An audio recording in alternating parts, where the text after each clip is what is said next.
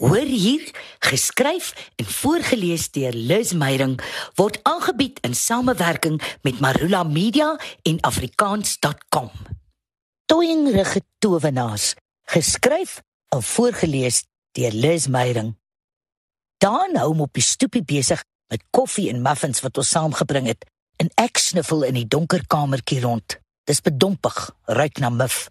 Ek krap onbeskaamd in sy kaste om agter te kom wat regtig hier aangaan. Ons het toevallig van sy omstandighede gehoor. Die mure is dun en die gat in die enigste venster maak dit maklik om die gesprek op die stoep te hoor.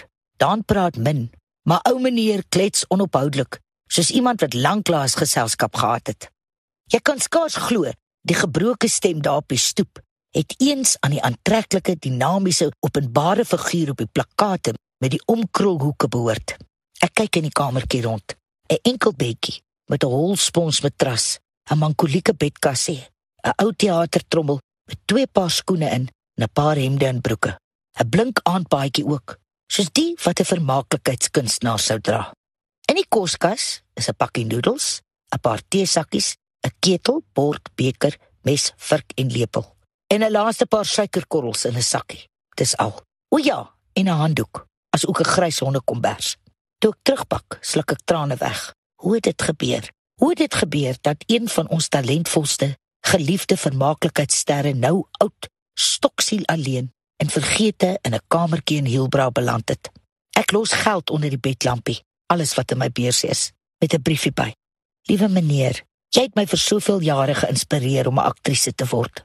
Aanvaar asseblief die bydrae as 'n simbool van my respek en erkenklikheid teenoor jou talent en hoe jy miljoene kere mense vermaak het. Ag hemel, ek koop nie ek tas sy waardigheid aan nie.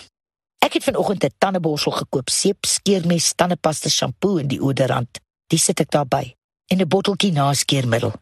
Hoe los jy sulke basiese goed op 'n manier wat nie die ster van destyds in sy eer sal krenk nie? Ek stap stoepie toe waar Dan en ou meneer in die winterson sit. Ou meneer kyk op. Hier's jy ook. Ek het al van jou vergeet. Is hom sleg nie? Ons vergeet so maklik van mekaar. Ons gesels nog 'n ruk. Nee, ons gesels nie. Ons luister oopmond na sy vrolike vertellings van vervloë tye. Hy was getroud lank lank gelede, maar toe hy na 'n toer terugkom, was sy vrou weg, net 'n nota gelos. Jy het jou bewonderaars en jou kollig bo my gekies. Ek is weg en ons kind gaan saam. Jy en jou teatervriende is net toyingerige towenaars.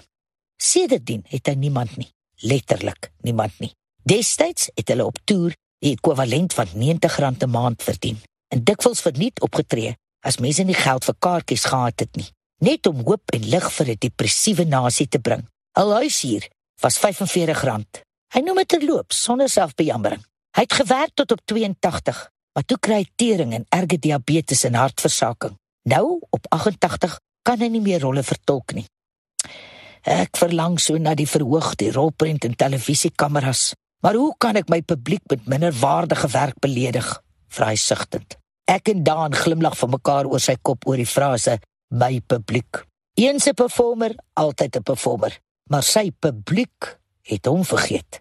'n Mens vergeet mos so maklik. Ons groet, beloof om weer te kom kuier. Hy vra of ons 'n foto en 'n handtekening wil hê. Ons knik verbaas. Daan haal sy selfoon uit en ons poseer. In spinnekopskrif skryf hy vir ons elkeen 'n lang innige nota, soos hy jare gelede vir sy volgelinge geskryf het. Skielik lyk ou meneer sommer jonger. "Wag," beveel hy. Hy verdwyn in sy kamer en, en kom sekondes later terug in sy blink paadjie. "Nou se reg. Ons neem nog fotos." Hy poseer soos 'n skouperd. "Kom kuier weer, sommer môre," groet hy. In die motor bars ek in trane uit. Daan probeer troos. Hy's gewoond hieraan. Die teaterbystandsfonds TBF Die vermaaklikheidsbedryf se vrywilligersorganisasie sorg permanent vir sulke bejaarde beroemdes wat nou niks en niemand het nie. Elke sent kom uit skenkings uit die bedryf en ons min kunstenaars soos almal in 'n resessie kry ook swaar. Ons reël nou konserte om vir hulle geld uit die kaartjieverkope in te samel en elke kollega wat ek vra om verniet te kom optree, stem in. En elke keer as ek paniekbevange raak of ons die sale gaan vol kry, dink ek aan ou meneer en sy blink glimlag in sy blink baadjie. Dan hoop ek die Vader en sy engele help ons sorg vir die toyingrige towenaars wat gehore en kykers geleer het om in die onmoontlike te glo.